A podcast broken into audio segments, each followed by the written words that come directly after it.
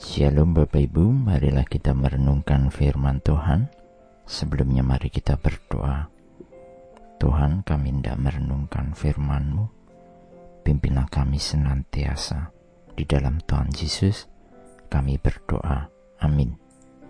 Bacaan saat ini diambil dari Yohanes 8 ayat 34. Yohanes 8 ayat 34 Kata Yesus kepada mereka, Aku berkata kepadamu, sesungguhnya setiap orang yang berbuat dosa adalah hamba dosa.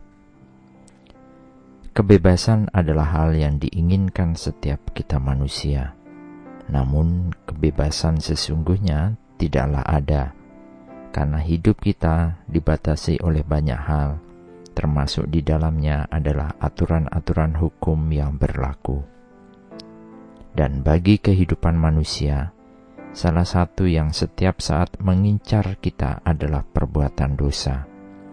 Dosa mengincar hidup kita, dan ketika dosa itu terjadi, kita akan diikat olehnya. Kita bisa menjadi hamba dosa, dan kebebasan kita menjadi kebebasan yang terikat oleh dosa. Bacaan saat ini Tuhan Yesus memberi penekanan tentang dosa yang memperhamba manusia. Kata sesungguhnya dalam firman ini menunjukkan penekanan yang jelas bagaimana hal dosa adalah hal yang serius.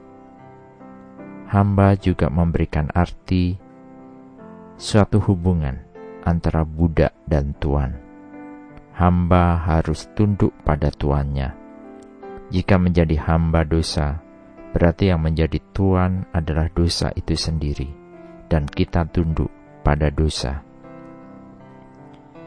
Kita sebelumnya adalah makhluk yang berdosa, dan kita harus menyadari bahwa kita itu berdosa.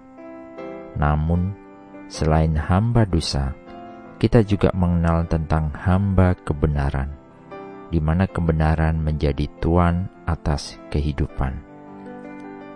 Alkitab dalam Perjanjian Baru mengajarkan bahwa Tuhan Yesus sendirilah yang mematahkan kuasa dosa. Tuhanlah yang memenangkan dosa. Tertulis di dalam Roma 6 ayat 18. Kamu telah dimerdekakan dari dosa dan menjadi hamba kebenaran. Kini kita telah menjadi hamba kebenaran, di mana Tuhan menjadi Tuhan atas hidup kita Kebebasan yang kita miliki adalah kebebasan dari dosa. Dan dosa yang menjadi tuan kita sebelumnya, sekarang kebenaran di dalam Kristus yang menjadi tuan kita.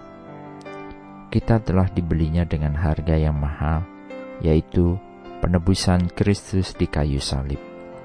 Oleh karenanya, hidup kita hendaknya mencirikan teladan Kristus saat ini dan tunduk turut akan firman Tuhan karena kini kita adalah hamba kebenaran. Dengan kuasanya, kita mampu melawan dosa dan menjadi hamba kebenaran. Amin. Mari kita berdoa. Bapa Surgawi, betapa menakjubkan kasih karunia Tuhan bagi kami yang telah membebaskan dari perbudakan dosa.